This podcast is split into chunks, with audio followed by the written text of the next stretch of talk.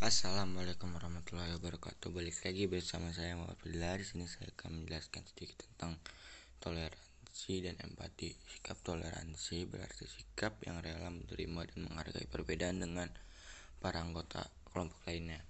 Sedangkan empati adalah sikap yang secara ikhlas maupun merasakan pikiran dan perasaan orang lain. Contohnya, contoh perwujudan dalam kehidupan sehari-hari menghargai perbedaan suku, ras, dan.